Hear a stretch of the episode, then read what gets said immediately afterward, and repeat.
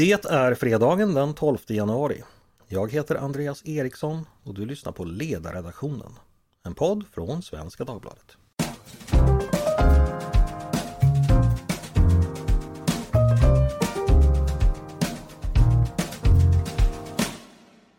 Varmt välkomna tillbaka till oss. Det har blivit dags för ännu en fredagspodd med Svenska Dagbladets ledarredaktion. En podd då vi går igenom veckan som gått och vad man ska tycka och tänka om den. Det är den första fredagspodden för 2024 faktiskt.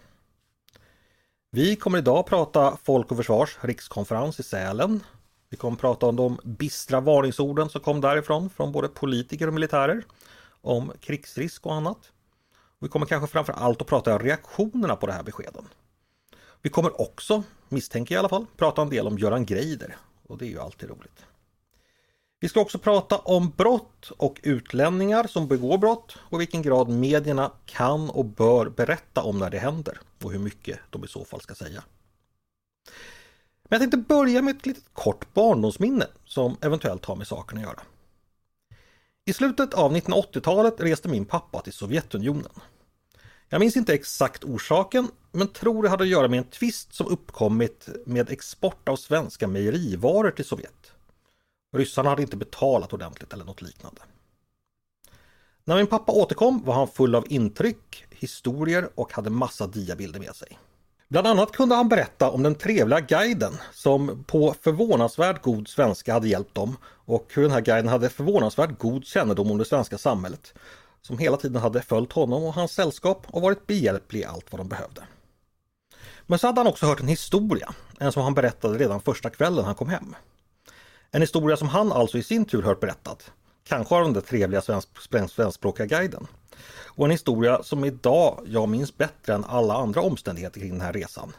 Nu när presenterna sedan länge är sönderlekta och glömda och de diabilder som inte hann digitaliseras väl ligger för evigt fuktskadade i något källarförråd någonstans. Historien handlar om en annan svensk som före min pappas resa också hade åkt till Sovjet. Också han i affärer. Under sin vistelse blev han av en svartväxlare erbjuden att sälja sin överrock till ett riktigt bra pris. Han skulle för den gamla slitna rocken få rubel som räckte för att täcka hela resans utgifter. Så han slog till. Men när han sedan skulle lämna landet blev han taget åt sidan i tullen. Man visade honom en bild man tagit på honom i samband med hans ankomst och frågade Vad har överrocken tagit vägen? Han visste väl att det var strängligen förbjudet att saluföra införda varor utan att man deklarerat dem och haft tillstånd att betala tull för dem. Mannen gjorde vad väl alla andra skulle göra i det läget. Han förklarade att överrocken blivit stulen under besöket. Och åkte därefter hem till Sverige och sitt vanliga liv igen. Men efter några månader anlände plötsligt ett paket hem till honom. I paketet ligger hans överrock och ett brev från de sovjetiska myndigheterna. Där förklarades att man beklagade att han hade utsatts för tjuvaktighet under sitt besök i Sovjetunionen men att man nu efter visst arbete äntligen lyckats gripa tjuven och nu kunde återbörda tjuvgodset till den rättmätiga ägaren. Man skrev också att man verkligen garanterade att förövaren fått sitt rättmätiga straff. Så löd den historien. Jag minns att min mamma tog den på stort allvar. Hon såg framför sig, med det ord som hon själv använde, att den namnlösa huvudpersonen nu sänt en oskyldig person till Sibirien och att han nu för alltid skulle ha det på sitt samvete. Jag tror inte att min pappa tog historien på riktigt samma allvar, men jag minns i alla fall att han berättade den för oss. Nu har det gått snart 40 år sedan det här och jag kommer väl aldrig få veta om historien är sann eller inte. Den har drag av Råttan i pizzan av våran Klintbergare. Faktum är att jag faktiskt skrev ner den till just Bengt af Klintberg när han besökte vår klass på högstadiet och bad oss inkomma med rykten och berättelser av den typen. Men vad jag vet har den inte dykt upp i någon av hans samlingar eller böcker än så länge. Kanske är historien sann, kanske har den drag av sanning, kanske är den helt påhittad. Poängen med att berätta den är i alla fall att säga att varje tid och varje plats har sina berättelser och sina tolkningar. I slutet av 1980-talet kunde en sån här berättelse från det fjärran och främmande Sovjet tas på allvar i ett barnfamiljhem i en förort till Stockholm. Och någon kunde föreställa sig att en person hamnat i fångläger i Sibirien bara för att han med sina hopskrapade slantar hade köpt sig en västerländsk överrock. Idag skulle vi kanske tolka berättelsen annorlunda. Men berättelsen har också, tänker jag, vissa, vissa universella drag som gör att den med viss lätthet transcenderar till nya sammanhang. Jag tänker på mannens handlingar, de där små handlingarna. Först det som verkade vara ett för tillfället smart drag, sedan den där lilla, lilla nödlögnen. Två närmast betydelselösa handlingar som sedan får stora konsekvenser för en helt annan främmande person. Fjärilsvingarna på en plats som orsakar en storm på en helt annan. Kanske det är den tanken som berättelsens verkliga betydelse ligger. Vad vet jag? Say hello to a new era of mental health care. Cerebral is here to help you achieve your mental wellness goals with professional therapy and medication management support. 100% online. You'll experience the all new Cerebral Way, an innovative approach to mental wellness designed around you. You'll get a personalized treatment plan from a therapist, prescriber, or both in a safe and judgment free space. Your cerebral therapist or prescriber will outline a customized plan with clear milestones along the way so you can get to feeling your best. With Cerebral, you're not alone in your mental health journey. We're here to empower you to live a fulfilling life. So take that first step towards a brighter future and sign up today at cerebral.com slash podcast and use code ACasts to get 15% off your first month. Offer only valid on monthly plans. Other exclusions may apply. Offer ends July 31st, 2024. See site for details. Det jag däremot vet, det är att det är hög tid att introducera mina kollegor på redaktionen som istället för barndomsminnen ska stå för dagens tankar och åsikter, dagens idéer och argument. De heter idag Paulina Neuding, Mattias Svensson och Peter Wennblad. Hej på er! Hej hej! Hej hej, hemskt mycket hej! Hej Andreas! Peter, den här berättelsen, hur grep den dig? Ja, det gjorde den och den fick mig att uh, minnas Sovjetunionen var ju väldigt exotiskt på 80-talet. Jag minns mycket väl en klasskompis som fick åka med sitt ishockeylag till Moskva. Alltså det kändes ju som att de åkte till månen. Mm. Eh, precis. Paulina, du är ju inte från Sovjet men nästan. Eh, du är från Täby. vad, vad tänker du? eh, ja, nej men jag tänker, jag känner igen eh, jag känner igen någonting av andan och stämningen från mina eh, föräldrars och eh, den äldre generationens berättelser från eh, livet på andra sidan järnridån. Ehm, mm. Det där. Jag tänker också att det här kanske bara var någonting som de där snälla svenskspråkiga reseledarna spred ut för att min pappa och hans kollegor skulle ge fan i att sälja saker till lokalbefolkningen. Mm, kanske. Så kan det också varit. Har du haft en bra vecka Paulina? Mycket. Det, det är kul att vara tillbaka i tjänst. Roligt. Mattias, hur är det med dig? Jo då, det är fint. Eh, jag har ju också eh, en del eh, ryssminnen från uppväxten, inte minst att en atombestyckad ubåt gick på grund inte långt ifrån vårt sommarställe.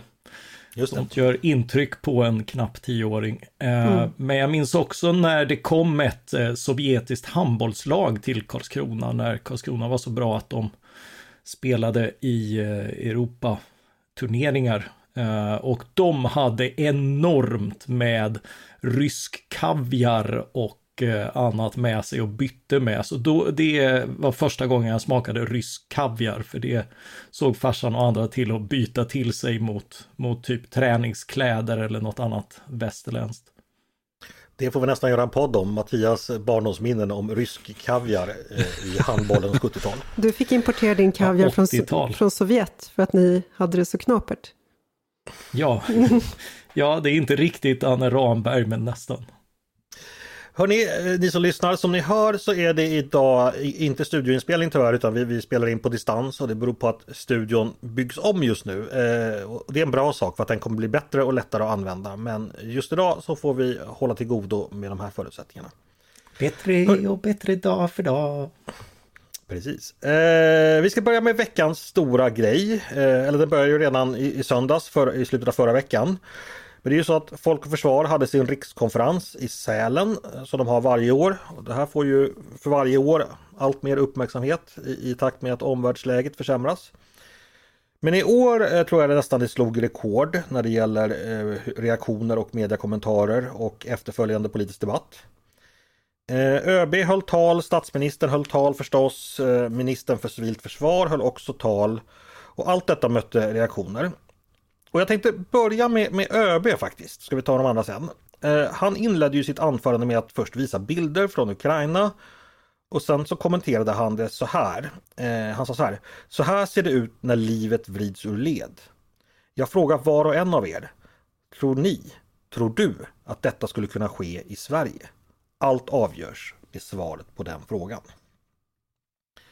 Och eh, ja, allvarsord och bistra ord, men det här fick ju bland annat Göran Greider att svara på ett sätt som väldigt, väldigt många reagerar på. Eh, jag antar att ni alla tre har läst Greider, eh, det här med att Ja, vad var det han skrev egentligen? Vem vill plocka upp den pucken? Ska, ska du börja Peter kanske? Ja, eh, hur föll nu orden? Alltså han, han fick då intrycket att ÖB längtade efter krig. Mm. Eh, och vad och, tänker vi om den reaktionen? Ja, den är lite, lite lätt skruvad. Alltså, jag tror att eh, officerare eller de som har varit i eller i närheten av eh, krig är kanske de som allra minst vill ha det. Mm. Därför att man, man vet krigets pris. Ja, vill man locka med krig så ska man knappast visa bilder från Ukraina. Nej, verkligen inte. Eh, det sa han ju och det är ju lätt, lätt att möta. Men han sa ju också att det här eh, är ett sätt för ÖB att eh, han uttrycker det som att han eh, bidrar till militariseringen av våra medvetanden. Eh, Peter, om vi tar bara det, ligger det någonting i, i, i det? Ja men alltså ska man göra en välvillig tolkning, liksom vad säga, bortse från Greiders liksom effektsökande formulering. Alltså ett, en annan formulering skulle ju vara att ÖB vill bidra till eh, svenskarnas mentala beredskap. Eh, mm. och, det vill, och det vill han ju. Mm. Eh, Mattias, har du någonting? Vad tänker du när du uh, läser och hör vad Greider har sagt?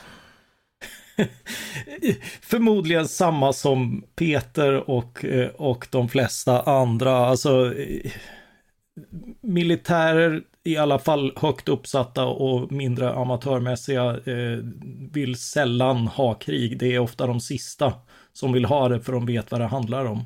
Mm. Eh, och eh, ja, Greider, jag, jag, jag, förstår ju det här med, med, militarisering och jag kan också tycka att det är synd att, eh, att så mycket debatt, särskilt så korkad som debatten har varit, kan man ju beklaga att så mycket har handlat om det.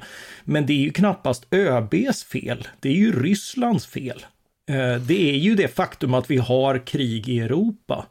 Eh, och Eh, Eh, vi har eh, konflikter som exploderar. Vi har ett fruktansvärt blodigt terrorattentat mot Israel med påföljande krig under hösten.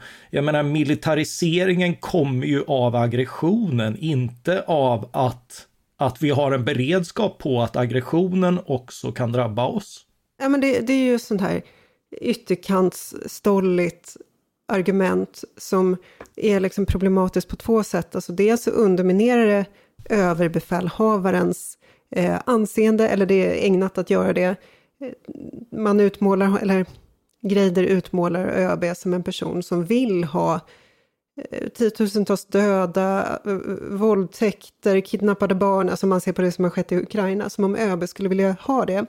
Och då är det liksom både eh, ämbetet och ÖB, att undergräva förtroende för eh, ÖB i hans ämbetsroll, men också personen ÖB, jag menar, så där kan man inte bara gissa om folk i offentlighet. Jag kan ju inte säga Mattias vill ha krig, han vill ha alla de här hemska sakerna. Så om inte jag vet vad som sker i hans huvud så ska jag faktiskt avhålla mig från att säga något, så väldigt grovt. Mm. Det är ju förvisso något som pågår i samhällsdebatten för jämnan. Det är ju bara det att insatserna höjs när det är ett så eh, så, så all, allvarlig fråga. Ja, precis i det första handseendet, att underminera ÖB i ett sånt läge som vi befinner oss i. Så. Mm. Jag tänker ju att det här är en tankefigur som ligger många, många decennier tillbaks i tiden att militärer det är krigargubbar som, som gillar krig i största allmänhet och mm. de kommer aldrig drabbas för det, det är liksom arbetarklassgrabbarna som ska stupa på slagfältet. Det, det låter ju snarast liksom 1914, mm. alltså inte den demokratiska försvarsmakt till skydd för demokratin som vi har haft under ganska många generationer. Nej men den där eh, försvarsfientligheten den finns ju i vissa delar av extremvänstern och har ju funnits hela tiden. Socialdemokratin har ju inte varit sån, men, men till vänster om socialdemokratin så har man ju odlat här, den här misstänksamheten mot försvaret. Och vi, eh, det, det liksom finns i den undervegetationen och har funnits hela tiden. Så är det ju. Greider säger ju också, han har ju lite saklig kritik, han menar då att försvaret får alldeles för mycket pengar samtidigt som överallt i välfärden verkställs nedskärningar. Han jämför då med det befästa fattighuset, ni vet den här gamla pamfletten. Och eh, han, Den tror jag att du kan behöva förklara i och för sig. Z Höglund. Ja, jag minns inte vem som hade skrivit. Var det Z Höglund som hade gjort det? Ja, ja. okej. Han som sen blev borgarråd i Stockholms stad och är känd för att han byggde tunnelbana. Eh, så här skriver Greider. Hur länge ska det dröja innan västvärldens ledare och befolkningar inser att stater kommer stå med enorma överdimensionerade försvarsmakter som dränerar nödvändiga resurser till annat? Så han har ju ett politiskt ärende här. Han tycker ju helt enkelt att försvarsutgifterna mm. är för höga och bör gå till annat. Han får inte så mycket medhåll. Jag har ju inte sett någon faktiskt som har ställt sig på hans sida. Snarare är det ju så att även exempelvis Aftonbladets ledarsida har ju, har ju gett honom ganska duktigt med smäll på fingrarna. Nej, men det här, är ytterkants, det här är ytterkants agerande. Ja, men och, även där har han ju dessutom fel. Alltså försvaret är ju underfinans grovt underfinansierat tills för att lösa en uppgift de har till, tilldelat. Alltså det, är, liksom, det är värnpliktiga som inte ens har kängor eller regnrockar. Alltså, mm. Det är ju på en nivå som att personal i välfärden inte skulle ha arbetskläder eller ha Eller utrustning. För, no, Som du skriver om i helgen. ja, inte ha mm. kaffe. Då lämnar vi Greider och går vidare. Eh, för att det är ju så också att eh, ÖB var det ju faktiskt bara, bara, bara, bara, bara Greider som, som, som var arg på. Däremot var det statsministern var ju också där och, och det han sa det uppmärksammades också. Även vi måste börja tala högt om de förväntningar som följer av ett svenskt medborgarskap. Ytterst handlar det om att med vapen i hand och med livet som insats försvara Sverige, våra värderingar och vårt sätt att leva. Inte mer och inte mindre. Medborgarskap är inte en resehandling. Ja, så sa alltså statsministern. Eh, och oppositionsledaren Magdalena Andersson, när hon hörde om det här, då sa hon till TT att statsministern hade ett unikt splittrande budskap. Och hon sa också att eh, det vi behöver i Sverige nu är sammanhållning, tillit, hög medvetandegrad men också en klart stark försvarsvilja. Den där typen av splittrande budskap för, för landet i rakt motsatt riktning. Eh, vad tänker du Peter, ligger det någonting i Magdalena Anderssons kritik eller är hon helt ute och far här? Ja, hon är helt ute och, och far. Här, det, var en, det var en väldigt långdragen tolkning av vad, vad han sa. Alltså att gå från att den här formuleringen om att medborgarskapet inte är en resehandling till att det handlade om något slags misstänkliggörande av, eh, av försvarsviljan hos eh, medborgare i Sverige som kanske inte har bott här så länge. Eh, och det var väl egentligen att hon också reagerade på, det, här, det var en kombination av det här talet och något svar han gav på en efterföljande presskonferens. Mm. Eh, ja precis, tolkningen var ju då att eh, han just misstänkliggör då, men, men du ser ingenting av, av det i det han säger? Nej, jag ser det väl snarare så här. Alltså att, eh, om, om vi ändå köper Magdalena, Magdalena Anderssons tolkning eh, om att Ulf Kristersson sa att försvarsviljan ser olika ut i olika delar av befolkningen.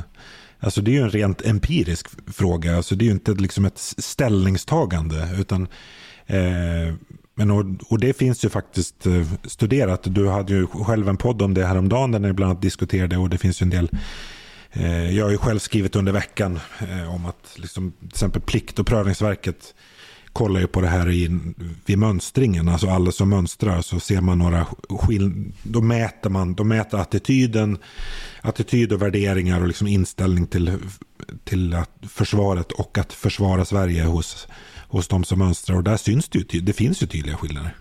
Och en, av de, och en av de tydliga skillnaderna är att en betydligt lägre andel av 17-åringarna är det då som har föräldrar födda utanför eh, Norden vill, liksom, är beredda, liksom, uttrycker vilja att försvara eh, Sverige, liksom, delta i det väpnade försvaret av Sverige och eh, vill i betydligt lägre grad göra värnplikt eller göra värnpliktsutbildning. Mm. Men så du säger alltså, du, du tror inte att Ulf Kristersson eh, menar att prata försvarsvilja i olika grupper, men om han hade gjort det så hade han haft en poäng? Eh, är det så? Ja, ungefär, ungefär så. Okej, Mattias, gör du samma tolkning? Eh, ja, det, det, där var ju ett spår.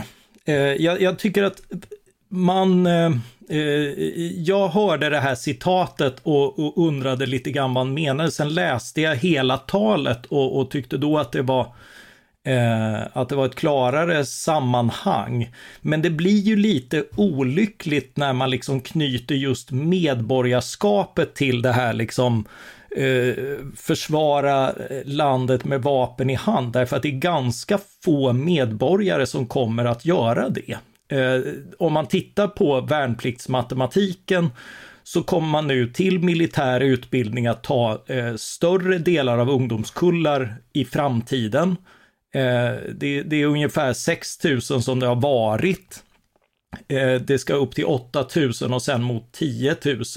Ungdomskullar idag är på ungefär 110 000. Eh, det är alltså mm. ungefär var tionde. Eh, så det här att knyta Eh, medborgarskapet till, eh, till liksom vapen i hand, det, det är ju, eh, det blir vanskligt om man menar på något sätt att göra skillnad. Och det, jag såg många som entusiastiskt instämde och gjorde det. att, att liksom Ja, eh, jag som gammal värnpliktsvägrare skulle nu liksom fråntas medborgerliga rättigheter och sånt där liksom och börja fasa för det. Men det är ju inte alls vad, det, det är förmodligen inte vad som ligger i det här talet, utan, utan snarare att, att om man tittar bara på stycket efter så är det just att de som gör detta, de som tags ut till detta, de får ett enormt eh, förtroende och, och de gör en enormt värdefull insats för sitt land, för vilket de ska eh, hedras och tryggas. Och jag tycker för min del att, att att de ska kompenseras snarare än hotas med fängelse för det. Och det gör ju de flesta, därför att eh, de flesta tycker, är ju där helt frivilligt. Eh, så mm så, så jag var, eh, jag, jag, tyck, jag tyckte väl först att, att det lät lite eh, onödigt spännigt och det tycker jag väl fortfarande slitet ur sitt sammanhang, men, mm. men jag tycker att sammanhanget gör det betydligt mer begripligt. Ja, precis. Jag tänker väl att att göra den här andra tolkningen du föreslog, det var ju att fara iväg väldigt mycket, tänker jag. För att den rimliga tolkningen är så här att för vissa människor kommer det yttersta konsekvensen innebära att man måste försvara landet för det, med vapen i hand, för det kommer någon behöva göra. Men inte ens under kalla kriget när vi var som mest militariserade så räknade de väpnade styrkorna mer än ungefär 10% av befolkningen. Fler än så var, var inte under vapen av, av, av naturliga skäl. Eh, så att Mattias, det låter på dig som du tycker att eh, han har misstolkats eh, illvilligt här då lite. Eh, ja, inklusive av mig själv som undrade vad fan han menade. Jag, jag var jättearg när jag bara hade hört det där. Och sen eh, hade jag förberett en lång rant om det och sen läste jag talet och då, då fick jag medge att nej men Uh, Ulf, Ulf hade en poäng och menar förmodligen inte särskilt illa. Men, men det är viktigt att vi inte låter, alltså den statsministern i ett land uh, av fria medborgare, han är folkets tjänare. Det är inte han som, som bestämmer vilka som är dugliga medborgare eller inte, utan det är vi medborgare som bestämmer om han är en duglig statsminister eller inte. Och den ordningen ska vi ju slå vakt om. Jag måste säga, jag, jag, blev inte ett dugg upprörd över Ulf Kristerssons tal. Däremot så hade vi ju den här diskussionen internt, Mattias, och, och, och, du pratade om precis det här som du har pratat om nu. Och, och det slog mig att liksom, tänk vad olika man kan se på saker. Därför att den här matematiken som du pratar om, det tycker jag är en helt perifer fråga. Alltså, det här nya Sverige, med de nya spänningarna som vi har, ställer ju till det enormt för vår försvarsförmåga. Och det är ju en en burk med maskar som vi precis bara har börjat glänta på, som Ulf Kristersson kanske öppnade lite på glänt och det, det blev väldigt känsligt. Alltså, om vi har människor, män i krigförande ålder i vissa samhällsgrupper, som inte vill, eh, är beredda att kriga för Sverige, att man ser, ser inte det som en möjlighet, då är det någonting som jag skulle ställa en del frågor om och undra över. Eh, och det är bara en av många eh, saker. Alltså, om vi går tillbaka till de här koranbränningskravallerna som var nu för ett år sedan.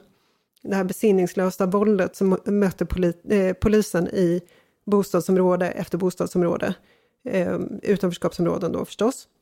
Eh, och jag menar, ta bara en sån sak som ska svenskar eh, gå ut i krig för att försvara ser man framför sig att man ska försvara de områdena? Tänk om man tänker så här, jag vet inte ens om eh, mina barn som svennar kan gå in i det områden, de områdena. Det kan vara en tanke. Eller liksom, eh, det, är inte, det, det, där påverkar nog eh, försvarsviljan ganska mycket. Sen om frågan är, kommer de som bor där i de områdena, hur ser försvarsviljan ut för Sverige där? Om det börjar råda oklarheter om det, vilket det gör, eh, ja, då har vi liksom en, en stor, stor komplikation i den här situationen. Mm. Eh, Men du och, tänker lite Paulina då att eh, eh, statsministern ändå gläntade på en dörr här som du tycker är ja, absolut, relevant absolut. så att säga. Att vi bör... och, och det finns en till sak, alltså vi har ju olika maktcentra i de här bostadsområdena med ett enormt våldskapital. Eh, vapenarsenaler, liksom sprängmedel, handgranater, allt det där. Om det värsta skulle hända, hur kommer den arsenalen att användas? Är, är den med oss? Är vi säkra på det? Eh, alltså det, det, finns så mycket där som jag skulle vilja ha ett vuxet samtal om när vi är mogna för det och det lär väl dröja. Ja, fast vi kan ju försöka i alla fall här. För det, det, det, det där du säger, det tror jag många tänker på. Sen är det väl inte så väl utforskat för vi mm. vet ju väldigt lite om det. Jag menar, vi, hela den här nya brottsligheten vi har fått, den här gäng, det som kallas den systemhotade brottsligheten. Det är ju mycket, i alla fall för mig, som jag har ändå försökt borra i den i ganska många poddar. Men mm. vad jag förstår så är det även inför experter en del dunkla zoner här som man mm får utforska. Jo, och, jag menar, och det här liksom ort, eh, utsatta orter och områden. Eh, frågan är ju både liksom, är, är man beredd att eh, riskera sitt liv för dem? Och hur ser det ut ömsesidigt? Där, där, mm. liksom, där kan vi snacka eh, en komplikation och en spänning. Peter? Ja, nej, men jag, är, alltså jag tycker att det, det är, liksom, det är en relevant, ett relevant lock att glänta på. Men eh, sen tycker jag inte att det är beky så bekymmersamt om det finns liksom, grupper i samhället där försvarsviljan är väsentligt lägre. Alltså, den är även alltså, om vi tar den militära försvarsviljan så är den väsentligt lägre även bland halva befolkningen, det vill säga hos kvinnor. Eh, trots att kvinnor nu, nu, nu jag menar, där, sen när Sverige var som mest militariserat så var ju kvinnor i stort sett liksom utestängda från eh, Försvarsmakten. Så att liksom så det, det, militära försvaret kan upprätthållas även om, man, om det finns liksom, om det inte är representativt. Mm. Alltså, där, där tror jag att man måste skilja på kvinnor och på män i krigförande ålder. Eh, och, och, man vet att det finns en våldskapacitet och en våldsvilja, så som vi såg under de här upploppen. Eh, när det var liksom hundratals som var ute och, och poliserna säger de var ute efter att döda oss. Eh, om, om försvarsviljan också sviktar i samma grupper, eh, där det finns liksom eh, den här problematiken kring de här kravallerna, men också hela liksom desinformationskampanjen, socialtjänsten, det finns en extremism, det finns en eh, liksom våldsglorifiering, det finns allt det här. Och om det bland sådana grupper också sviktar i försvarsviljan, då har vi stora problem. Och det går inte att säga så här, det går inte att säga att eftersom vi får ihop liksom matematiken kring de trupper vi behöver så behövs inte det. Eller liksom, ja men kvinn, försvarsviljan bland kvinnor också låg. Det är inte jämförbart. Nej, men alltså jag tvivlar inte på att det finns, alltså så här, en, en eventuell angripare mot Sverige kommer självklart att exploatera de vad säger, interna spänningar som finns eh, i Sverige, precis som liksom, Ryssland har gjort i Ukraina, där man liksom har eh, utnyttjat människor som vars lojaliteter inte är helt glasklara. Liksom. Mm. Jo, men alltså om, om vi ändå tar, eh, alltså ja det är ju en annan fråga, men om, om vi tar försvarsmatematiken så är jag väl nästan mer oroad för de eh, från sådana här grupper, eh, alltså gr kriminella grupper med våldskapital eh, skulle ju snarare kunna ta sig in i eh, Försvarsmakten få vapenträning och liknande, det är jag kanske mer omedelbart bekymrad över vad, vad gäller vår försvarskapacitet. Eh, därför mm. att en mullvad kan åstadkomma betydligt mer skada än, än ett gäng i förorten. Men, mm. men, och, och, och det visar ju på ett sätt, alltså Paulina har ju rätt i att det här måste man ju titta på. Jag är rätt övertygad om att att med den eh, försvarsstrateger och, och liksom åtgärder mot, eh, mot terrorism och, och, radikalisering och annat som vi har eh, så utgår jag ifrån att man ändå gör en screening mot den typen av Uh, av, mm. av, värderingar, även om det förstås inte är perfekt. Men de här två problemen, ju...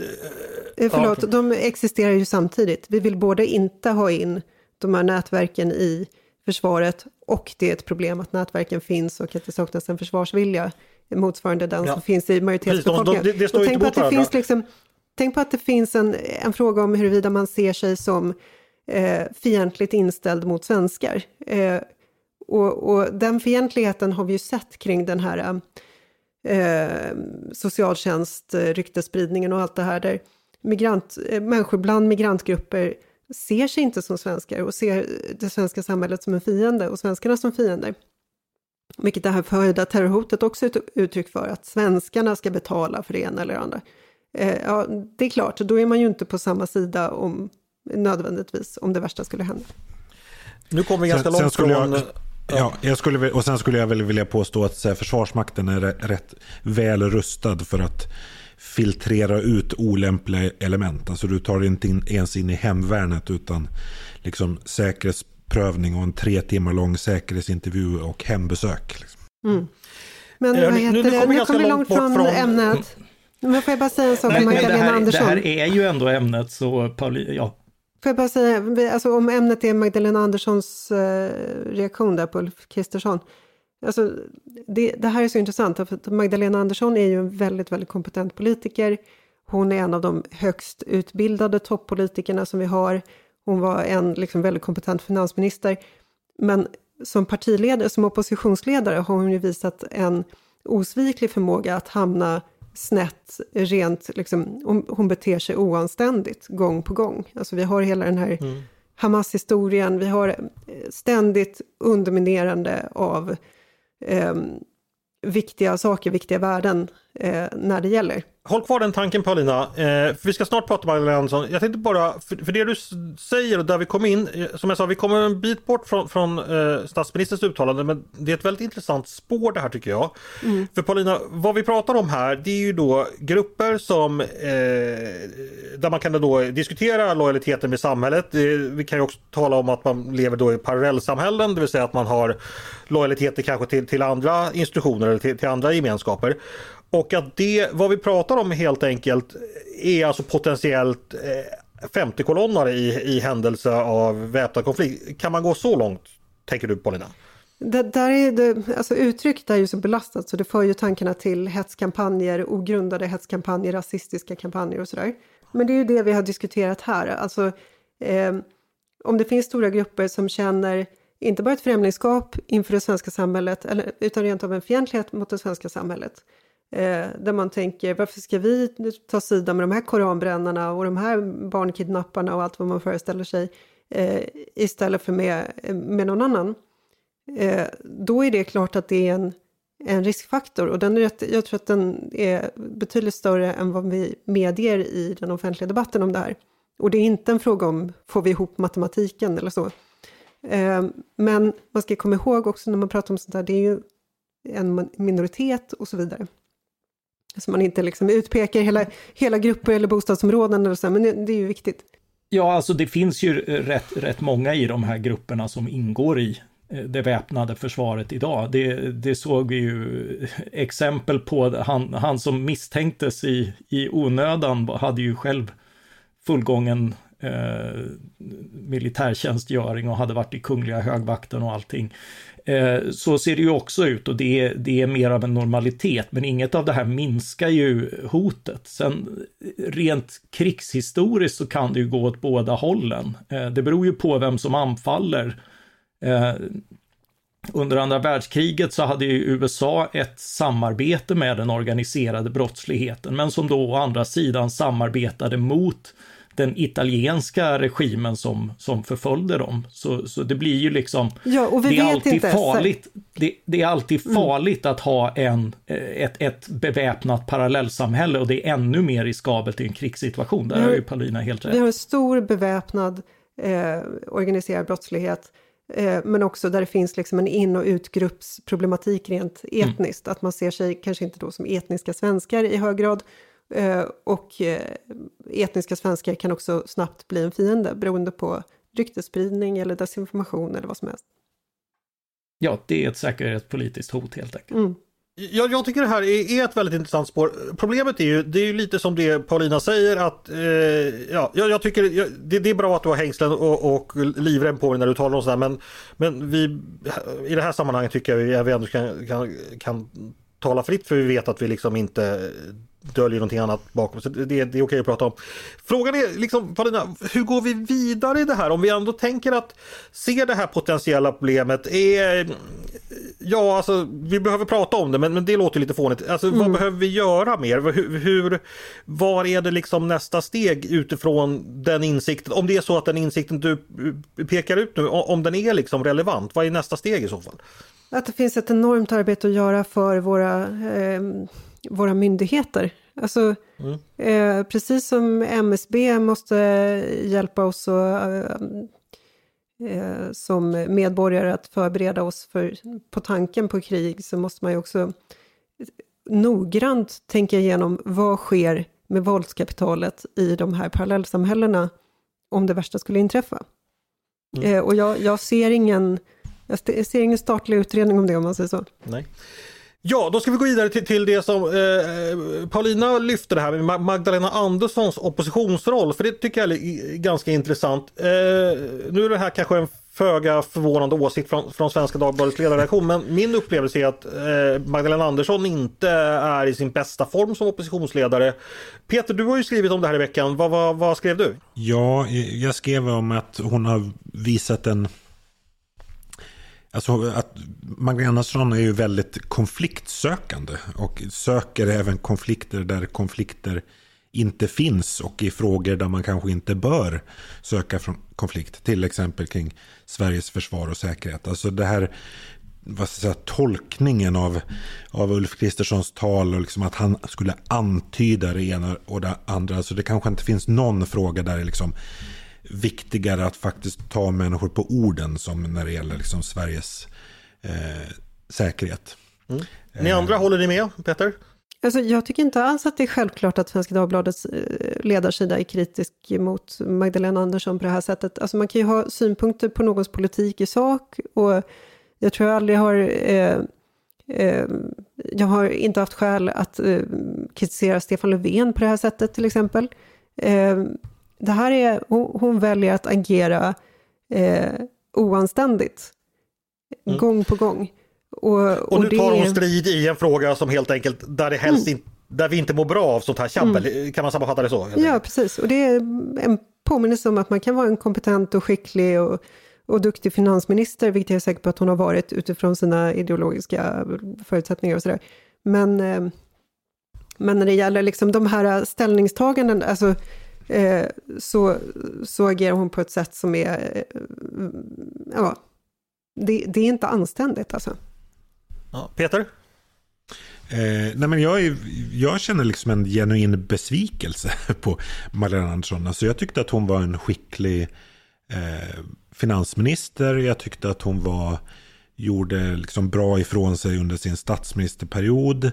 Eh, även om hon liksom hade var väldigt osäker i sin nya roll. Det visade sig inte minst under liksom inledningen av Rysslands invasion av Ukraina där hon liksom famlade lite grann. Så att baxa igenom liksom NATO-processen, det var ju liksom en, en eller vad ska den inhemska NATO-processen, det var ju en imponerande prestation.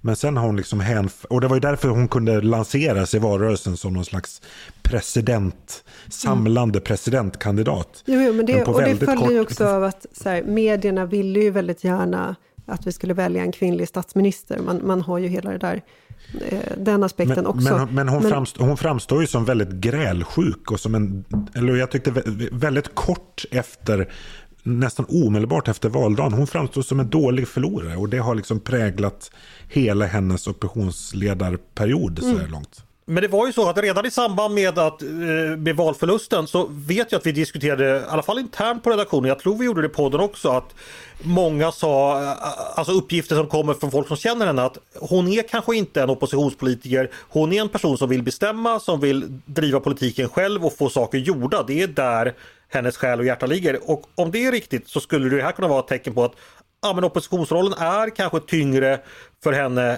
än för många andra politiker och därför blir resultatet sämre. Kan det vara så? Absolut. Jag tror inte att hon tycker att det är så roligt. Ja, efter att hon hade, efter valförlusten och hon höll sitt tal där, det har vi pratat om förut i podden, istället för att säga så här, ja, det här var det väljarna ville, tack så mycket, jag är jättebesviken, men och så vidare. Så håller hon ett tal där hon varnar för hat, hot och våld eh, med en ny regering. Eh, så hon förklarar alltså oppositionen för Eh, eller den tillträdande regeringen för illegitim. Den är inte demokratiskt legitim, den är förknippad med hot och våld. Eh, och, och, jag menar, det är den här moraliska kompassen som snurrar hos henne hela tiden. Eh, och nu senast då den här direkt historierevisionistiska eh, eh, ja, lanseringen av Socialdemokraterna som det parti som alltid har varit för reglerad eh, migration. Det partiet som styrde Sverige 2015. Alltså, det är helt groteskt. Vi som var där på den tiden, vi vet hur, hur det lät. Vi vet hur det lät från Aftonbladets ledarsida.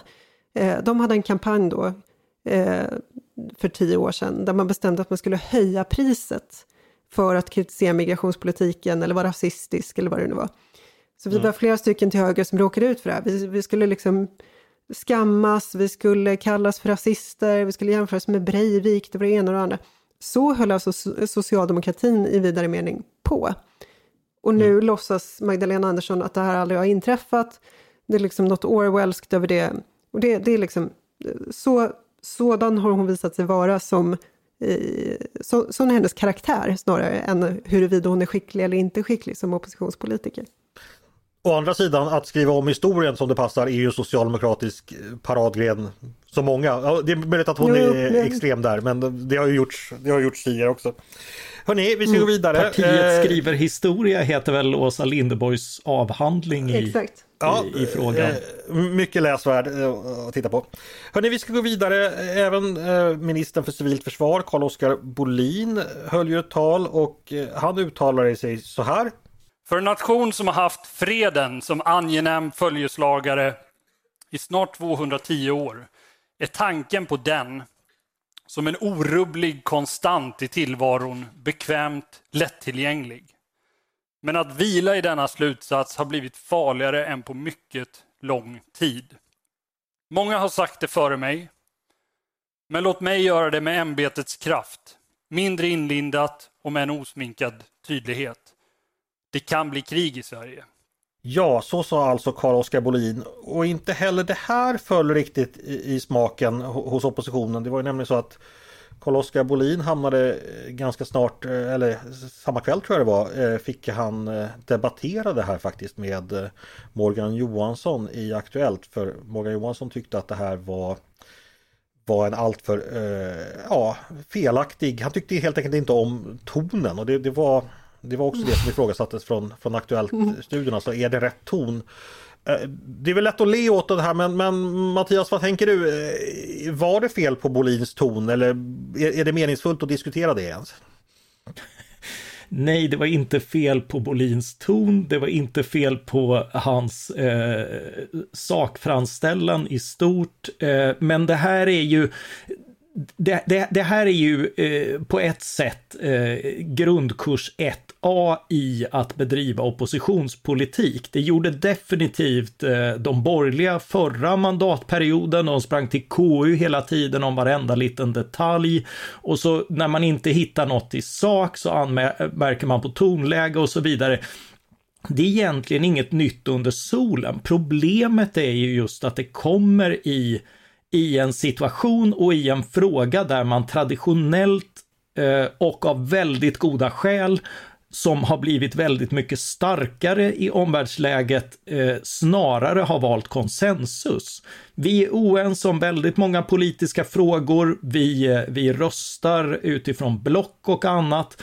Eh, det är viktigt för demokratin med en levande opposition som granskar och ifrågasätter regeringen.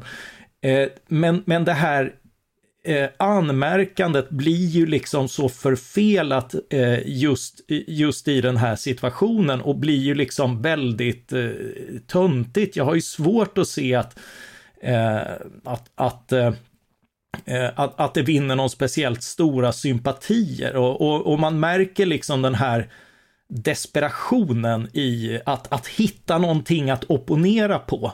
Eh, man letar detaljer, så fort man hittar något att hugga på så är man där. Det är verkligen inte de, eh, någon, någon tung kritik över någon stor eh, oenighet, utan det är liksom socialdemokratiska fantomsmärtor över den eh, tappade makten som gång på gång gör sig påminda och gör att de eh, framstår som eh, ur fas, tror jag.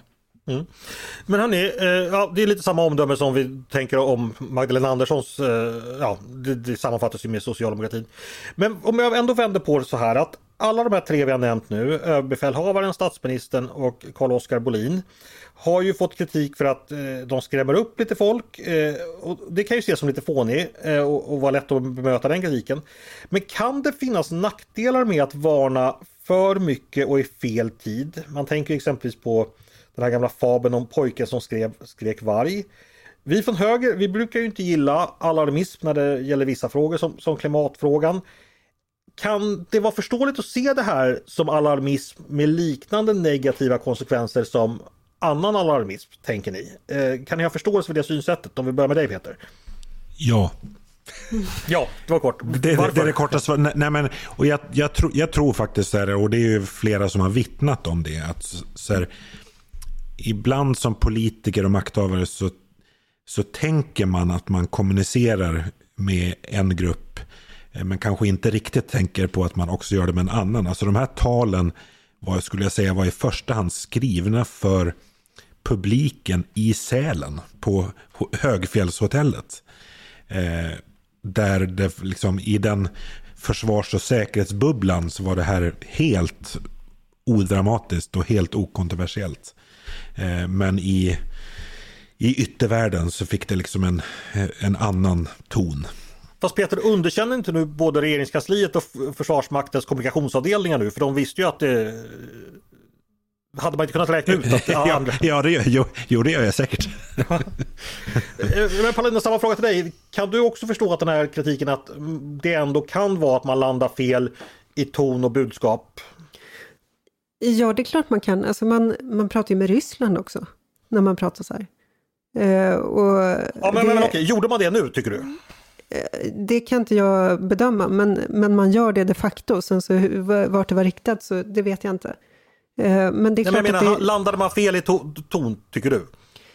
Sammanfattningsvis. Nej, och det som är så intressant här, det är ju att vi har ju ett prejudikat på det här med alarmism i och med klimatdebatten.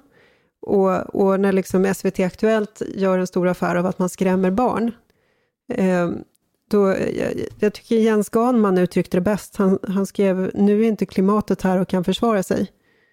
Eh, men, men vi har ju haft en debatt, ungefär, åtminstone sedan Greta Thunberg var 15 år, om att barn ska vara rädda och känna att världen håller på att gå under och att det är deras ansvar att rädda den och att vuxenvärlden har svikit dem. Men då, då, hycklar ju, då hycklar ju vänstern eh, för att de skrämmer barn med klimatet men inte med militären. Finns det risk att vi också hycklar, att vi varnar med för att skrämma barnen med klimatet men vi skrämmer barnet med ryssen istället?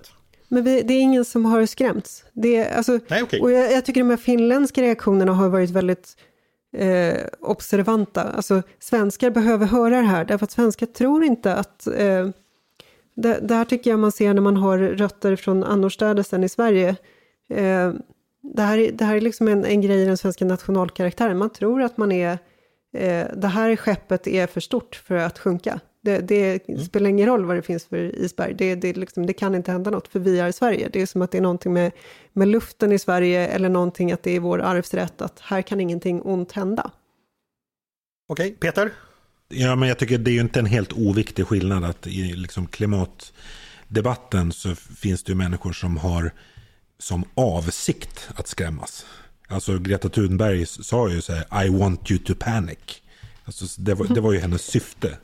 Nu refererar alltså Peter till Dagens Nyheters tidigare chefredaktör ska man säga. Eh, men men så här, jag tvivlar inte på att somliga barn har blivit blivit rädda. Alltså jag, även fått. Jag fick, frågan, jag, jag fick frågan av min egen dotter. Så här, varför pratar alla om att, det ska bli, om att det ska bli krig? Men jag känner så här, ja men är det, jag, jag, tycker inte att det är ett så stort bekymmer om, om barn blir rädda. Så de, har, de har ju föräldrar som mm. kan förklara för. Men det här är, det är så selektivt. Barn blir alltså, rädda. Morgan Johansson, ja. under, hans, eh, under den förra mandatperioden, när han var justitieminister, då hade Sverige 500 bombdåd ungefär. Eh, det är väldigt många barn som blir rädda när de vaknar av bomber i Sverige. Eh, alltså, eh, det, det, finns, det har funnits många tillfällen att prata om rädda barn.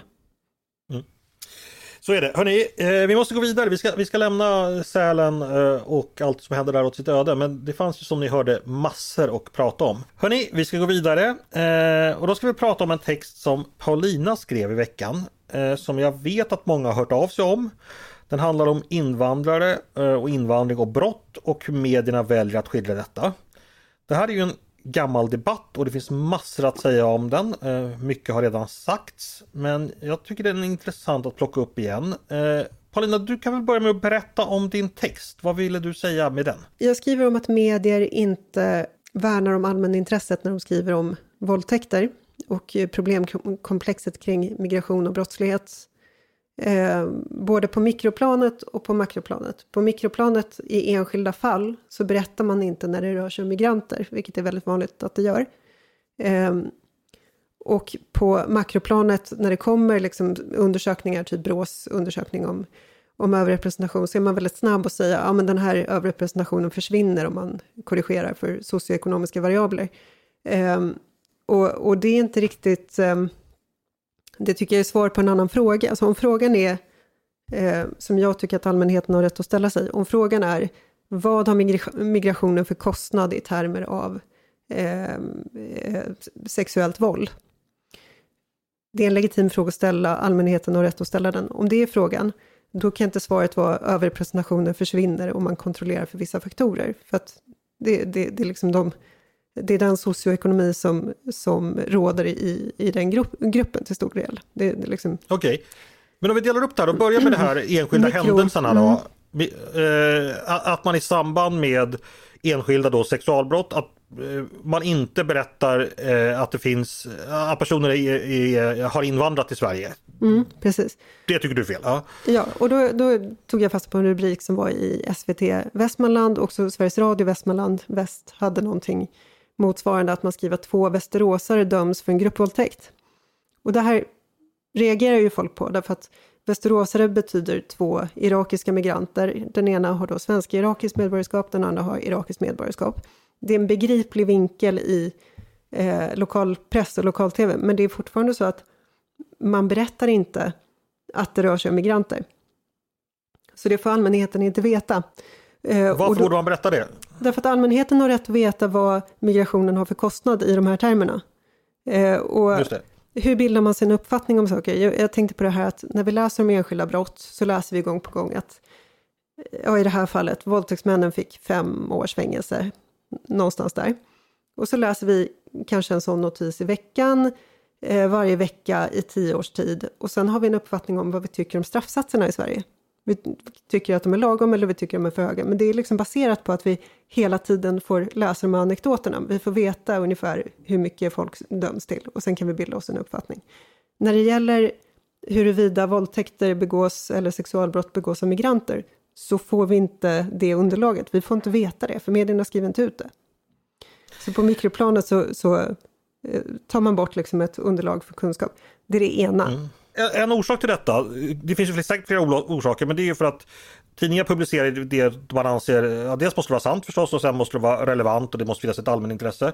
Mm. Och så finns det också det här med, med, med pressetiska regler för publiceringar. Och en punkt där heter ju faktiskt Framhäv inte berörda personers etniska ursprung, eh, kön, nationalitet, yrke, politisk tillhörighet och så vidare.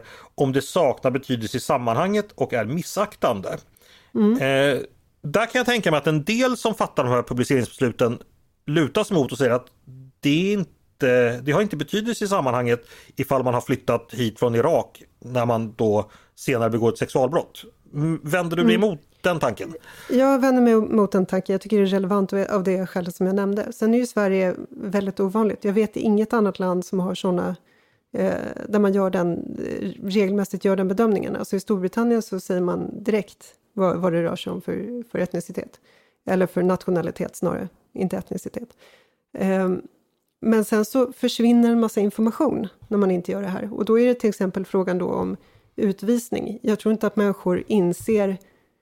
Eh, lagen om utvisning skärptes ju förra året. Jag tror inte att människor inser hur, eh, hur ofta, eller hur, hur lätt det fortfarande är för brottslingar att stanna i Sverige. För så är det ju i det här fallet också. Alltså båda blir ju kvar i Sverige. Mm. Eh, och återigen, om allmänheten aldrig får veta då vet vi ju inte det här. Då, då låter det som att ja, men lagen har skärpts och nu är det problemet borta, men det är inte borta. Leder det här till att tidningarna blåser folk helt enkelt? Jag tror att tidningarna tänker så här, att deras uppgift är inte att upplysa allmänheten om detta, därför att det inte är tillräckligt intressant. Deras uppgift är att hålla dig i schack när du läser det här så att inte du blir rasist eller du inte går och röstar på SD eller blir en dålig människa. Det tror jag mm. är, man ser som sin uppgift den tolkningen har ju faktiskt visst stöd, det har man ju tittat på. Vi ska återkomma till det. Jag ska bara släppa in eh, Peter här. Eh, delar du Paulinas tolkning att eh, det utelämnas uppgifter systematiskt som kanske egentligen borde publiceras av andra skäl eller av, av, av, för allmänintresset? Alltså jag, de, jag delar Paulinas uppfattning att eh, de här uppgifterna ofta är relevanta för alltså, läsarnas och tittarnas förståelse av, av en problematik. Eh, däremot så tror jag liksom inte att man ska eh, sticka iväg och se för sofistikerade baktankar bakom varför, varför det blir så här. Alltså precis som du var inne på eh, när det gäller de pressetiska reglerna så liksom finns det en ja, närmast rutin att man liksom försöker ha lite marginal eh, till och inte liksom riskera att, att komma nära gränsen för vad som är pressetiskt försvarbart. Och sen finns det en sån sak som när det gäller kriminaljournalistik journalistik är ofta, alltså om det inte blir de här stora fallen som får väldigt stor uppmärksamhet så förses ofta, inte minst lokalmedierna med nyhetsbyråmaterial Eh, där som de här uppgifterna inte finns med därför att en, liksom en misstänks nationalitet eller liksom medborgarskapsstatus det framgår inte av personnummer och, och eh, folkbokföringsadress utan det är någonting som kan utläsas av, av förhör eller liksom förundersökningar. Ja, eller domen liksom... i det här fallet. Ja. Det står ju klart och tydligt. Mm. Ja, Eh, som jag sa tidigare finns det visst stöd för Paulinas uppfattning. Jag tänkte bara kort redogöra för eh, Björn Häger, han som tidigare var, var, var ordförande för Publicistklubben.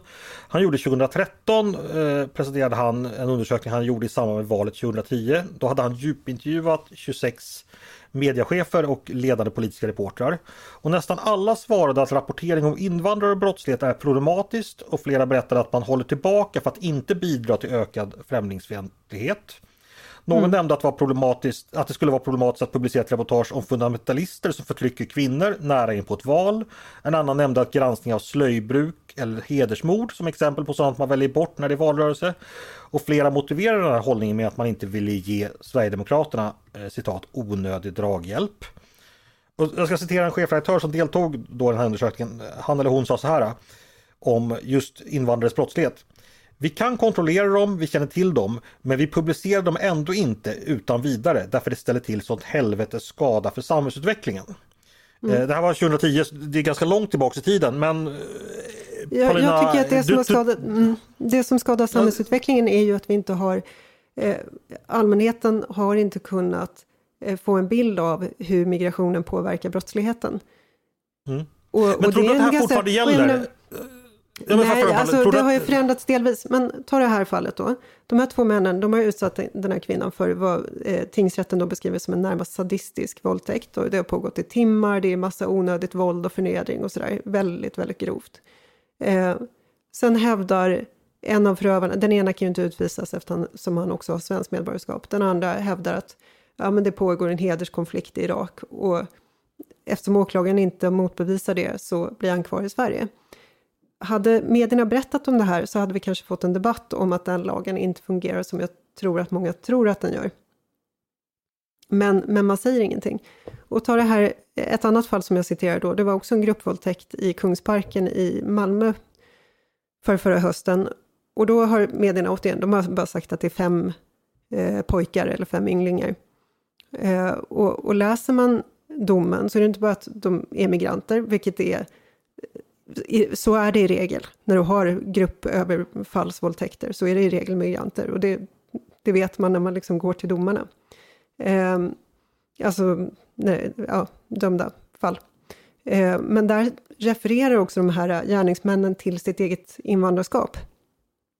Alltså en av dem säger att enda skälet till att han sprang ifrån polisen eller från platsen var att i landet där han kommer ifrån så är det olagligt att ha sex med någon man inte är gift med och han trodde att det var likadant här.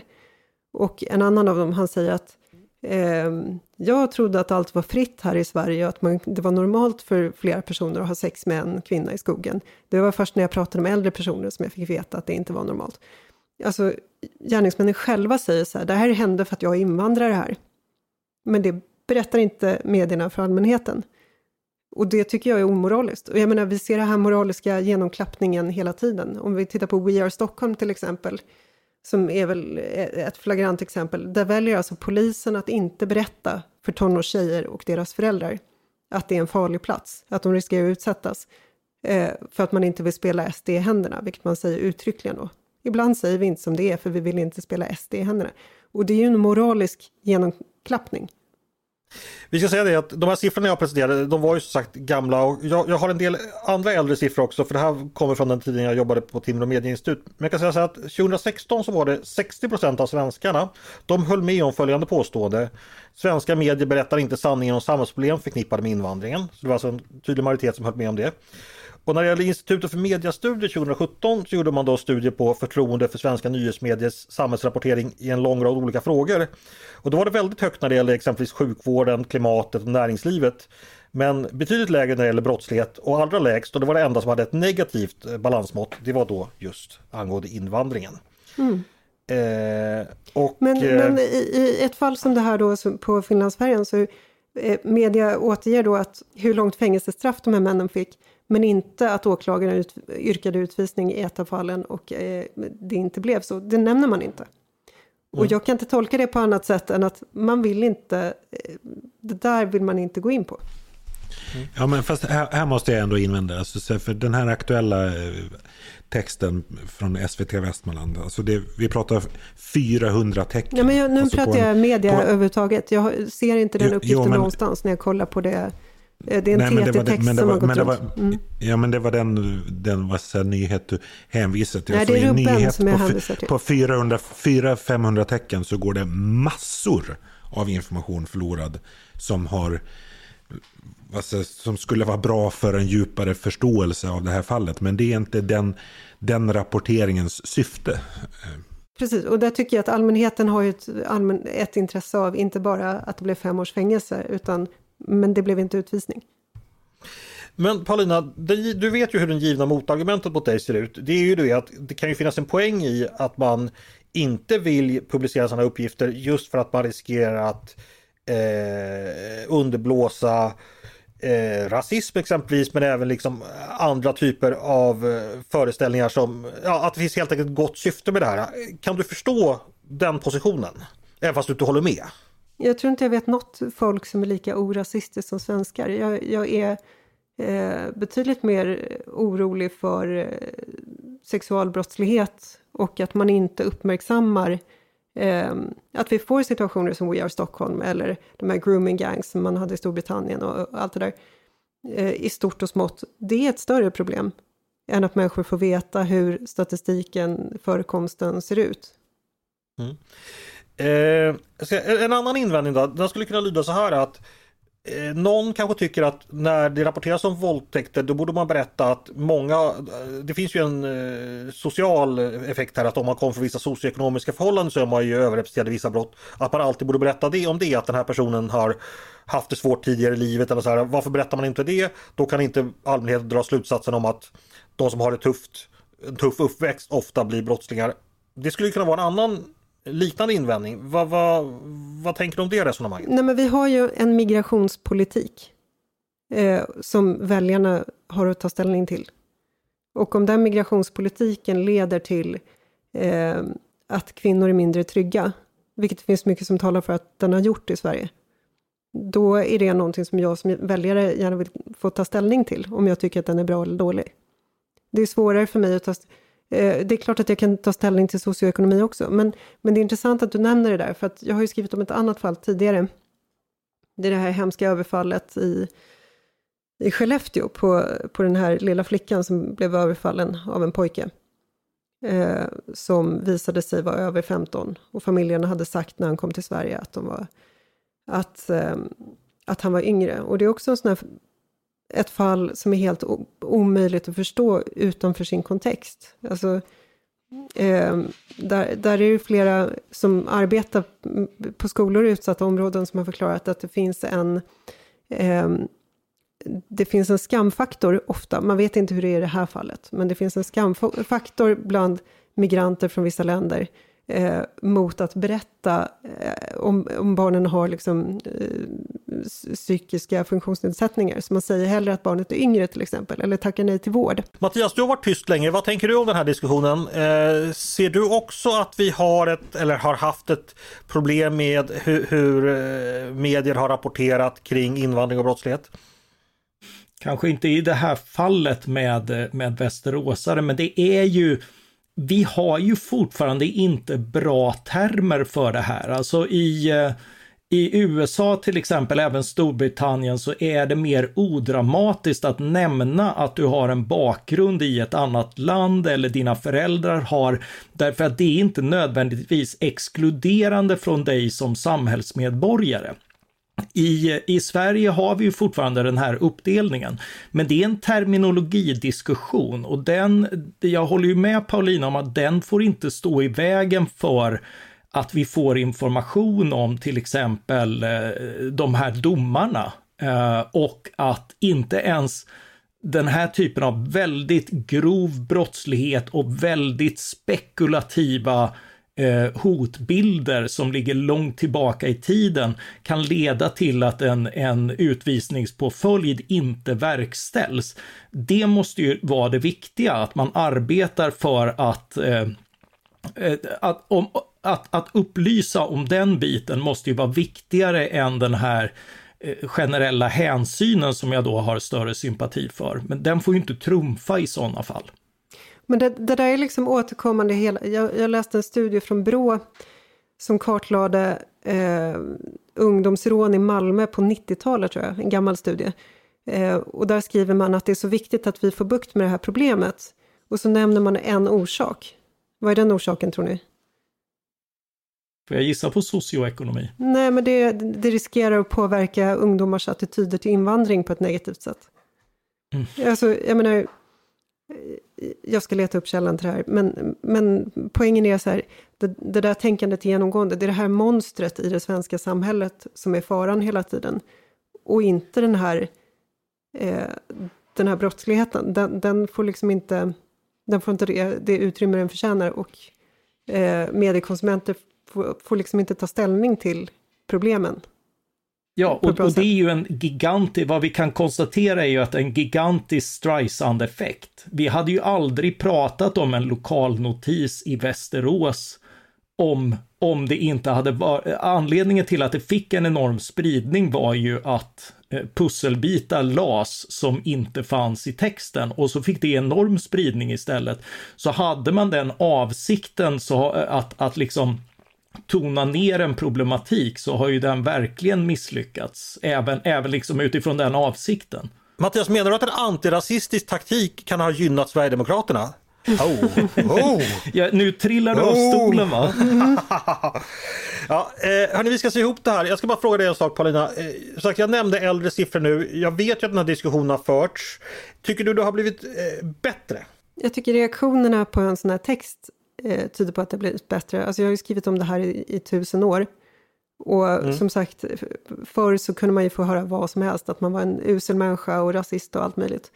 Eh, nu så, jag, jag har inte kollat så här jättenoga, men jag ser inga sådana, eh, jag har inte nåtts av sådana övertoner. Tvärtom så har jag haft en full inbox, och jag ska be om ursäkt också för att jag inte kan eh, svara så mycket som jag skulle vilja, men jag, det uteslutande, nästan uteslutande tror jag, eh, trevliga svar. Positiva Jag ska svar. avsluta med ett citat till Anna Hedenmo, eh, medarbetare på SVT och tidigare ordförande för Publicistklubben. Hon sa, sa så här för några år sedan. På SVT och en rad andra medieföretag har det funnits en överdriven ängslighet att belysa de komplexa frågor som ibland följer av invandring och flyktingmottaganden. Det är många redaktionschefer och enskilda journalister som bär ansvar för att förtroendet är så lågt när det gäller rapporteringen om invandringen. Vilket alltså var då på den tiden, men det här är alltså gamla. Jag ska faktiskt, inte, jag, jag ska faktiskt ta och uppdatera de här siffrorna för att det har inte jag gjort på några år. Jag, jag skulle kunna tänka mig faktiskt att medierna har återvunnit en del av sitt förtroende. Eh, Stort tack för det. Eh, det här är ju sagt ett intressant ämne. Eh, inte uttjatat faktiskt som man kanske skulle tänka utan det finns Tvärtom. fortfarande saker. Hörni, eh, vi ska gå vidare och då har vi faktiskt kommit fram till mitt favoritmoment. Eh, och vad tror, ni, vad tror ni det kan vara? Äntligen! Det är ju nämligen det som heter Svar direkt, då vi stresstestar våra ledarskribenters politiska reflexer och förmåga att blixtsnabbt skilja gott från ont och sant från falskt. Det går helt enkelt till så att jag likt en eh, mörkning från media som Sverigedemokraterna sen kan casha in i form av ökat väljarstöd erbjuder mina kollegor möjligheter att slå en dödande smash på ett nyligen lagt förslag. Och det gör man genom att säga ja eller nej eller vara för eller emot. Helt enkelt ge svar direkt. Är ni redo? Ja, Ja, Regeringen börjar året som man slutade förra med massor med förslag på nya saker man kan straffas för. Ett nytt brott som ska införas heter förolämpning mot tjänsteman. Det är en utredning som heter Ett starkare skydd för offentliganställda mot våld, hot och trakasserier eh, som föreslår detta. Och i den har man då funnit ett behov av att återkriminalisera en förolämpning mot tjänsteman för att då förstås skydda tjänstemän. Men vad säger då ni på Svenska Dagbladets ledarredaktion om detta? Är ni för eller emot det här förslaget? Jag vill ha svar direkt. Jätteför. För Mattias, varför är det så här så illa? Det är varje människas rätt att säga sitt hjärtas mening till eh, den offentliga makten och det får innehålla ett och annat fult ord. Däremot så stärker man, eh, to- vidgar man tolkningen av vad som är hotfullt och hot får aldrig accepteras. Eh, det, det är en distinktion som det har slarvats med förut. Det har inte gått att få domar för vad som är uppenbart hotfullt beteende och att man åtgärdar det är bra.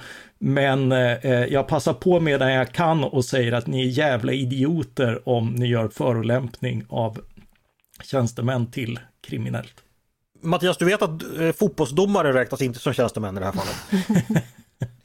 Okej Paulina, tur va, det. va, varför är du jätteför? Det, här, det är jätteviktigt därför att det är ett sätt att markera för kriminella att det är slutlekt. Och eh, kriminella, det, det, om du går in på World Wide Web, eh, Mattias, så ser du massor med filmer på kriminella som håller på att filma poliser och kallar dem för saker och markerar dominans. Och också beter sig hotfullt utan att det åtgärdas, markerar- trots att vi har lagar mot det. Ja, det har vi också lagat mot, men nu ska vi ha lagar mot det andra också. Det, här, det handlar om att markera att det är polisen som bestämmer och att eh, det är färdiglekt för gangsters. Jätte, jätteviktigt. Men det är ju en annan sak, därför att det är ju trakasserier, det, alltså det finns ju lagar mot det här, det är bara att man inte har vågat använda Det dem. här är väldigt mycket broken windows också. Det är ett sätt att säga det offentliga rummet är inte en plats som ni kan gå runt och dominera, där ni kan gå och skrämma och visa upp ett våld, våldskapital. Jag vet att skrämma är någonting annat, men den som uttrycker sig eh, respektlöst, föraktfullt mot en polis ska veta att där gick gränsen. Bort med dig. Och de kommer att sy in varenda banan som gör det på någon nyårsafton på fyllan. Däremot så tvivlar jag på att de vågar använda det heller mot kriminella. Men jag ska gladeligen ha fel om jag har det. Ja, att polisen är rädd för kriminella är ju ett mått på hur illa det har gått. Vi går vidare. Eh, vi ska ta en gammal vintersnackis. Eh, det åks pulka på Skogskyrkogården i Stockholm. Störande och kränkande för de avlidna och framförallt för de sörjande och anhöriga, säger kritikerna. Låt barnen få leka, säger tillskyndarna. Personligen tycker jag det är svårt att uppröras av att några barn ägnar sig åt något så oskyldigt som att åka pulka. Jag tycker det är ganska härligt, en hyllning till livet, skriver exempelvis Rasmus Hansson på Aftonbladets mm. ledarsida. Vad tycker vi om detta? Pulka åkt in på kyrkogårdar, är vi för eller emot? Alla svar direkt. Mot. Gissa. Mot. Pa Paulina är för alltså, varför det? Nej, men det, här, det här är jätteintressant. Det, här är, det var länge sedan jag nämnde Jonathan Haidt. Men det här är ju liksom... Eh, om, om man är vänster och inte har en känsla för att vissa saker är förknippade med helighet och vördnad.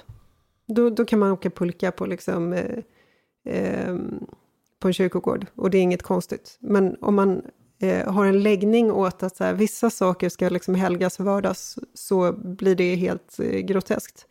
Så jag tror att det är väldigt mycket en sån här eh, intuitiv höger-vänster-fråga. Och gör inte vänster. Bör man, bör man kriminalisera förolämpning av pulkaåkare? Hörni, vi tar den sista. Äntligen, äntligen, äntligen blir det en fjärde säsong av True Detective. Det har premiär i helgen. Den här gången är handlingen förlagd till Alaska och Jodie Foster spelar en av huvudrollerna. Vad tycker vi om detta? Är vi för eller emot? Jag vill ha svar direkt. för? Jag har aldrig sett det. Nej, men du kan väl vara för eller emot? Jag är, jag är verkligen likgiltig, men för eftersom jag inte har några reservationer. Och Paulina? Nej, men då är jag emot eftersom jag inte vet. Okej, du är emot Jodie Foster alltså. Eh, vi tar det. Hörni, tack för det. Då är det dags att gå vidare till eh, dagens sista moment som faktiskt också råkar vara mitt favoritmoment. Det är vad vi kallar Är du smartare än en ledarskribent? Ni känner ju vid det här laget väl till momentet, men för nytillkomna lyssnare som först 2024 förstått att det här är podden man ska lyssna på, ska jag kort förklara vad det går ut på. Det handlar om att På spåret blir tråkigare och tråkigare och faller det programmet, då faller ju public service. Och faller public service, då faller den liberala demokratin. Det har vi såväl Wolodarskis som Jan Helins ord på. Så kära barn, om ni vill rädda den svenska demokratin, skriv ett brev till Oxenstiernsgatan och be dem ta in er onkel Andreas att sköta fredagsunderhållningen så kommer allting bli bra och vi kommer leva lyckliga i alla våra dagar. Nej, vad det handlar om det är en enkel trivia-lek kring de ämnen vi har diskuterat och ni där hemma kan också vara med och tävla.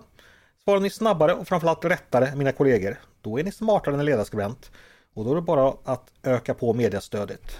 För så här kan vi ju inte ha det. Reglerna kan ni. Man svarar genom att säga sitt namn. Vill man chansa innan jag läst färdigt så får man det, men då slutar jag läsa om man riskerar dessutom minuspoäng. Ett svar per fråga. Vinnaren får en veckas ära. Är det okej okay med alla? Mm -mm. Ja. Då, eh, ja. Vi drar igång och då tänkte jag börja med 20 Knut då julen dansas ut. För den dagen infaller ju morgon lördag. Eh, och då ska vi faktiskt börja med en historisk fråga. 20, då tänker jag förstås på Sven Tveskägg, eller kanske mer fornordiskt Svein Tjugeskägg. Vad hette Sven Tveskäggs son som kunde förklara sig som kung, inte bara över Danmark utan också Norge och England? Peter. Paulina. Peter? Peter var först. Jag har ju ingen aning, men Harald Blåtand kanske? Nej, det var hans pappa. Paulina? Knut. Ja, det är klart han gjorde. Knut den store. Det var ju Kanot. 20 Knut imorgon. Mm. Kanot, precis. Vet du var han ligger begravd någonstans? Uh, nej. Det är ingen fråga, men det gör han i Winchester Cathedral. Mm -hmm. uh, 20, då tänker jag på en piltalare för dart som jag har 20 fält. Vad är den högsta poängen man kan få med en pil som man kastar på en Peter. darttavla? Peter? Det är väl 60 va? Ja, en trippel 20, helt rätt. Ett poäng till dig också. De gamla eh, kunskaperna från fritidsgården. Precis. Eh, vad kallas med en animalisk term mitten av en pricktavla? Exempelvis för, Paulina. för dart. Paulina. Paulina. Bullseye. Ja, Paulina. Ja, Bullseye. Mm. Ja, du, du har fått rätt redan. Mm, tack, tack. Du, du, får inte fler poäng för att du säger det fler gånger. eh, Mattias, är du med? Ja då, jag kan bara ingenting. Mer 20. En vanlig benämning på 20 av någonting, det är ju ett tjog. Men hur många är ett gross? Paulina, Paulina? 30. Nej. Mattias, Mattias? är det 64? Det är det inte. Peter Nej, får giss- det är väl... Jag tror Peter har det på det är väl- tungan. Ja, det är väl 12 dussin va? Det är helt rätt. Eh, nämligen, vad blir det då? 12 gånger Ja, 12? kan, hon, Ja. kan hon räkna ut det i huvudet? 144. 100. 144, precis. Då så, eh, vad står det då? Då har Peter två poäng och Paulina två poäng. Hörrni, vi ska gå vidare. Vi har ju pratat folk och försvar, så det ska bli lite frågor om just försvaret. Jag har någon gång tidigare frågat er om Nu svenska... kommer jag. Precis. Jag har ju tidigare frågat er om svenska regementen, så det ska vi inte ta med nu. Nu är det flottans tur. Jag kommer säga namnet på ett svenskt örlogsfartyg. Jag vill veta vilken typ av fartyg det är. Och då börjar jag med HMS Småland. Peter. Peter?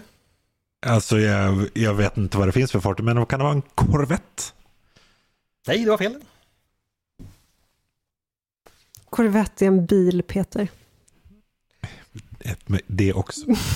Svaret är att det är en jagare, en så kallad landskapsjagare. Den här då, HMS Visby.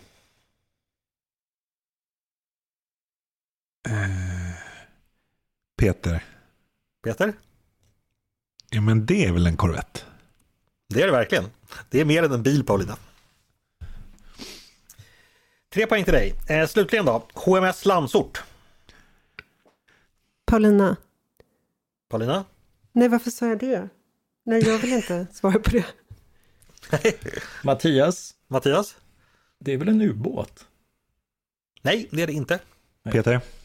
Peter? Är det en min, minröjningsfartyg? Ja, helt rätt. Yes! Snyggt. Då är du uppe på fyra poäng och Paulina har två om jag räknar rätt. Vi fortsätter med försvaret. Då ska jag fråga om några historiska försvarsinstallationer. Vad kallas den befästningslinje som under andra världskrigets inledning byggdes Peter. längs... Peter?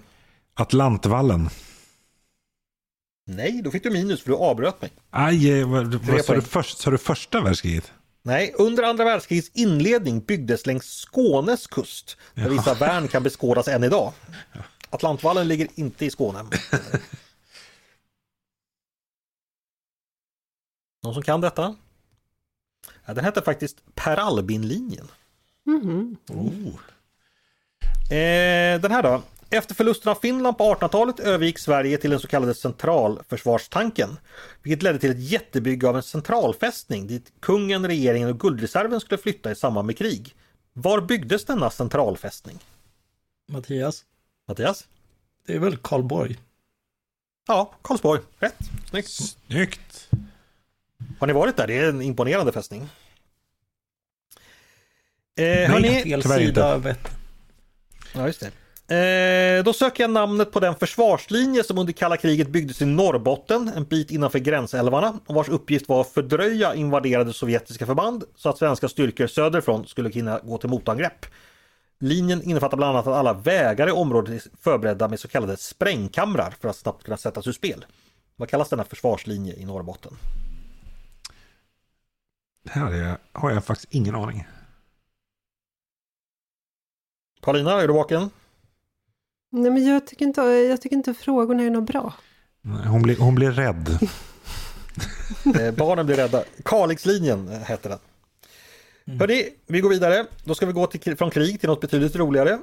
Igår fyllde ju januariavtalet fem år.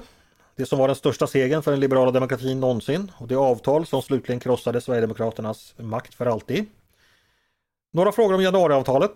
Hur många punkter innehöll det? Mattias, Mattias? 73. Jättebra. Eh, Då är du upp på två poäng också. Vem kommenterade januariavtalet på följande sätt? Klåpare, bedragare, quislingar. Mattias, Peter var först. Eh, Sara Skyttedal. Snyggt, då är du upp på Just det. fy- fyra. Fyra poäng. Vem skrev att januariavtalet är så här? Den kompromiss Annie Lööf drivit fram också har den stora fördelen att den minskar risken för en fortsatt destruktiv politisk polarisering. Det var klarsynt. Mm. Vem skrev detta? Mattias, Mattias? eftersom du frågar så gissar jag på Peter Wolodarski.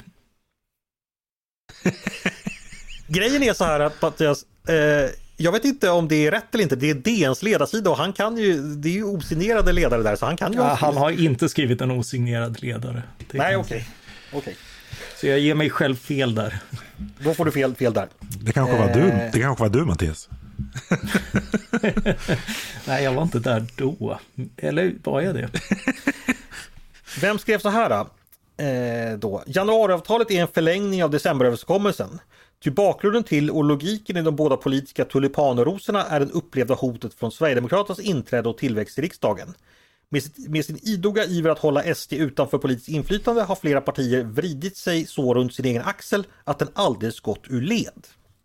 Mattias? Peter. Mattias? Jag gissar på Tove Livendal. Det var helt rätt. Ja, tuli, tulipanros är ett väldigt Ja, eh, ja. livendalskt ord. Vem skrev så här då att januariavtalet är en djupt ideologisk överenskommelse om att den populistiska och nationalistiska vågen i Europa ska stoppas? Peter. Peter? Ellets Mannelöv. Nej, det var det inte. Paulina. Var, Paulina? inte, var inte Per Svensson eh, eh, chef för DN-ledare då? Kan det ha varit han? Nej, det var det inte. Det var faktiskt Anders Lindberg på Aftonbladets ledarsida. Va? Vem skrev så här, det sista citatet om januariavtalet? Eh, Löfven 2 handlar också om att stänga ute Sverigedemokraterna nu inom ramen för januariöverenskommelsen. Som väntat har det gett SD ett formidabelt utrymme, vilket de förvaltat väl och allt mer professionellt. Paulina. Paulina? Håkan Boström. Ja, bra gissning men fel. Peter. Mm. Peter? PM Nilsson. Ja, det är helt rätt. Hörni, jag har tappat lite koll här på eh, poängen. Eh, har ni något minne av vad ni har? Jag har Jag två. tror att jag har, att jag har fem. Att du har fem till och med? Ja. Ja, Paulina, hur mycket har du? Två. Har du bara två? Nej, du måste ha mer. Ja, men det var inte så bra frågor den här gången. Nej, okej. Eh, vi tar några jag har sista tre frågor. eller fyra. Tre tror jag. Ja, det här var ju pinsamt. Vi ska se. Peter, eh, Mattias, vem sa Knut? Jag. var Paulina. Mm. Och du sa... Har du haft fler rätt efter det? Bullseye. Bullseye har du sagt, det är två poäng ja. Det sa hon tre gånger. Så. ja nej, du, har, du har bara två poäng, precis. Ja. Och, och Peter har nog fem. Hörni, de sista frågorna handlar om Vad har jag då? Ja, Ska vi se. Vad har du svarat rätt på då? Eh, Karlsborg. Karlsborg, Karlsborg är ett poäng, ja precis. Eh, 73 punkter. Det är två ja. Saras Skyttedal, vem sa det? Det sa Det jag. var Peter. Nej. Då har du bara två poäng Mattias. Nej, jag har fler. Okej. Sa du Jag Tove Livendal? Ja, Tove Livendal sa jag. Ja, okej, tre poäng har du då. Hörni, eh, nu hoppas jag att Peter tar resten så att det blir klart, annars får vi börja rätta upp eh, Pressetik. Om man tycker att man har lidit men eller skada av en publicering, då kan man anmäla den till medieombudsmannen. Eh, vad heter hen? Peter. Peter? Kaspar Opitz. Det gör han verkligen. Det är inte Kaspar Opitz dock som bestämmer om en tidning ska klandras för en publicering. Vem är det som fattar, eller vilka fattar det beslutet? Peter. Peter? Pressens opinionsnämnd. Så hade man kunnat svara rätt för några år sedan. Men Nej, medierna, mediernas opinionsnämnd heter den. Nej, det gör den inte heller faktiskt. Är det, är det sant? Någon annan som vill försöka? Nej, de heter Mediernas etiknämnd nu för tiden. Ja, just det. Bra, grattis Peter, snyggt! Tack, Det tack. tog du hem. Det var Och det här var efter långt om länge allt jag hade att bjuda på idag. Är ni nöjda? Mycket. Nej. Gå- Ta, tar helg med flaggan i topp. Gud vad vi har hållit på länge. Det här får Jesper klippa ihop. Hörni, eh, Mattias Svensson, Peter Wemblad och Paulina Neuding. Stort tack för att ni gästade mig idag. Tack Andreas. Tack så mycket. Tack. Och stort tack till er som har lyssnat också på Ledarredaktionen. En podd från Svenska Dagbladet. Ni är som vanligt varmt välkomna att höra av er till redaktionen med tankar och synpunkter på det vi precis diskuterat. Eller om ni har idéer och förslag på saker vi ska ta upp i framtiden. Då är det bara att mejla till ledarsidan snabel svd.se. Dagens producent, han heter som vanligt Jesper Sandström. Jag heter som vanligt Andreas Eriksson och jag hoppas som vanligt att vi hörs snart igen.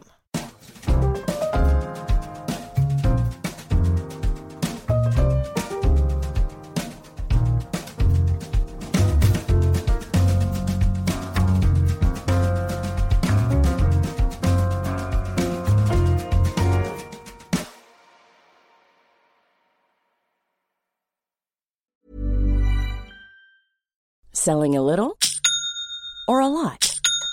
Shopify helps you do your thing however you cha-ching. Shopify is the global commerce platform that helps you sell at every stage of your business. From the launch your online shop stage to the first real life store stage, all the way to the did we just hit a million orders stage. Shopify is there to help you grow. Shopify helps you turn browsers into buyers with the internet's best converting checkout. 36% better on average compared to other leading commerce platforms because businesses that grow grow with Shopify. Get a $1 per month trial period at shopify.com/work. shopify.com/work.